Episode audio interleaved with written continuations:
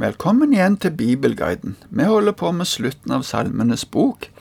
Sist gang så vi på Salme 139. Dermed er det Salme 140 som står for tur.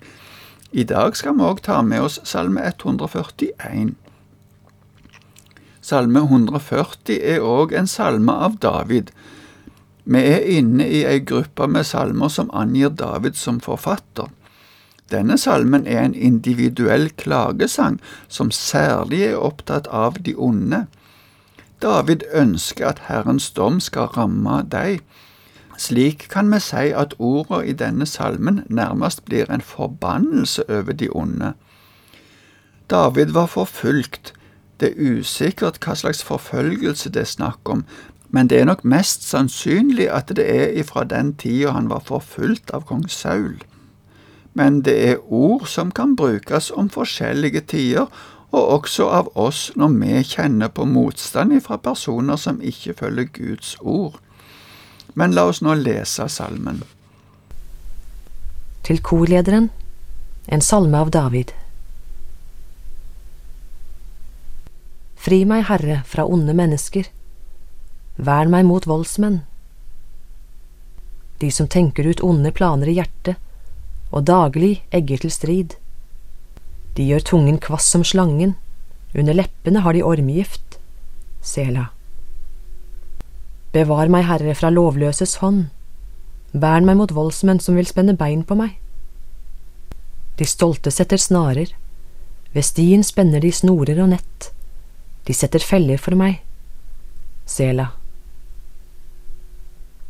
Jeg sier til Herren, Du er min Gud. Herre, vend øret til mitt rop om nåde.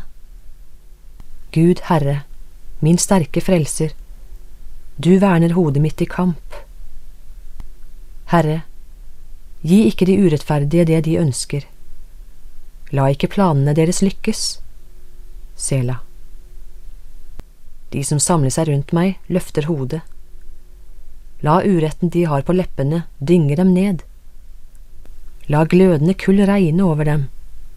La dem falle i dype groper, så de ikke reiser seg mer.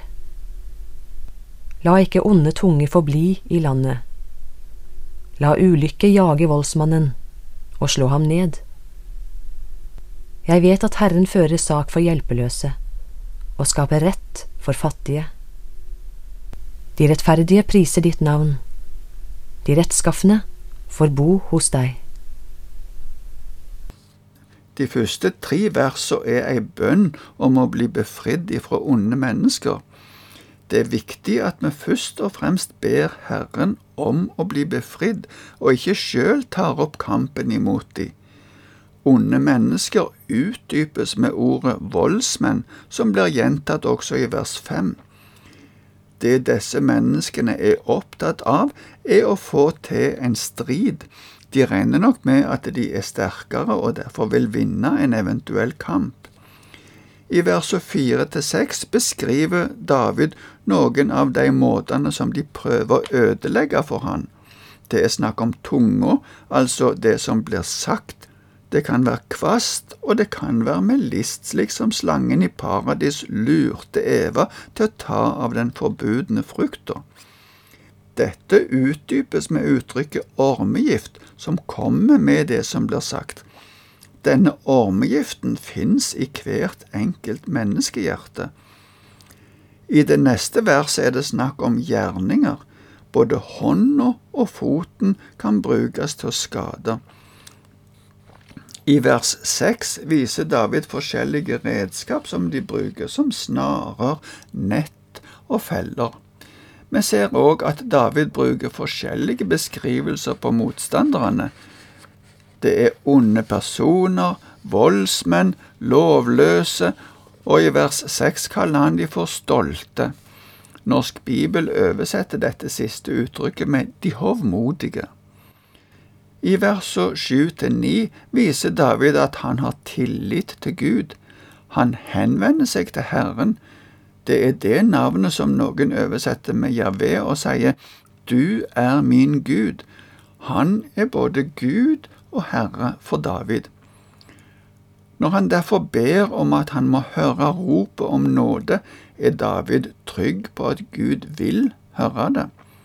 Derfor legger han til at Gud er frelser, og at han vil verne hodet. Vi leser noen ganger i Bibelen om frelsens hjelm. Det bildet kan vi sikkert tenke på òg her. Bønna videre går ut på at fiendene ikke må få oppnå det de tenker på. De neste versene, fra ti til tolv, er ei bønn om at de onde må bli straffa. Her kan vi se for oss at David tenker på det som skjedde med Sodoma og Gomorra, da glødende kull falt over byene, og også at de falt i huler. Så kan det også være en profeti om den siste dommen over hele jorda. I vers 12 ber David om at onde tunger ikke må forbli i landet. Norsk bibel oversetter dette med en bakvasker. Det viser hvor alvorlig baktalelse er. Vi kan godt be om, både for oss sjøl og andre, at det må bli slutt på det. De siste to versene viser at David er sikker på at Herren vil hjelpe. Jeg vet, sier han. Vi kan òg vite at Herren vil hjelpe den som har tillit til Han den som ikke stoler på seg sjøl, som er liten og svak i seg sjøl, men som har tru til Herren. Det gir grunnen til å prise Herren. Til slutt tar David òg med håpet om å få bo hos Herren. Så går vi over til salme 141. Det er òg en individuell klagesalme. Denne er også skrevet av David. Salmen nevner ikke en spesiell begivenhet som har gjort at han er bekymra, men også denne salmen uttrykker ønske om dom over fiendene, og kan derfor sammenlignes med den forrige. Vi leser salmen. En salme av David Herre, jeg roper til deg. Skynd deg til meg. Lytt når jeg roper. La min bønn være røkelse for deg, mine løftede hender et kveldsoffer. Herre, sett vakt for min munn, vern leppenes dør. Bøy ikke mitt hjerte mot det onde, mot lovløs gjerning sammen med dem som gjør urett. Den utsøkte maten deres vil jeg ikke smake. La en rettferdig slå meg, det er kjærlighet. La ham refse meg, det er olje på mitt hode, jeg avviser den ikke. Men min bønn står stadig mot deres ondskap. Dommerne deres skal styrtes nedover berget, de skal høre at ordene mine var gode. Knoklene våre ligger strødd ved dødsrikets gap, som når en pløyer og velter opp jord. Gud, Herre, mine øyne er vendt mot deg, jeg søker tilflukt hos deg. Riv meg ikke bort. Bevar meg fra snaren de setter for meg, for fellene til dem som gjør urett. La de urettferdige falle i eget garn, mens jeg går rett forbi. Det kan se ut som at David er et sted som han ikke har anledning til å bære fram offer, men her lar han oss forstå at det viktigste ved ofringen er sinnelaget. David presenterer bønna si som et røykoffer, eller som et kveldsoffer. I starten av salmen kan en få en forståelse av at Davids nød i første rekke var en indre nød, men seinere tar han opp angrepet og fellene ifra andre personer. Så for David var det nok begge deler, men det er viktig at vi tenker på det som er i vårt eget indre, og ber om at det må bli rensa og stansa. David ber om at Gud må sette vakt for munnen og leppene. Det kan forstås som en bønn om visdom til å si det som er Guds vilje, men også, og kanskje særlig, ei bønn om hjelp slik at det som blir sagt ikke kan skade andre personer eller Guds omdømme. David ber om hjelp til å unngå synd i ord og gjerning. I vers fire ber David om å bli bevart ifra det onde og utdype det med lovløs gjerning.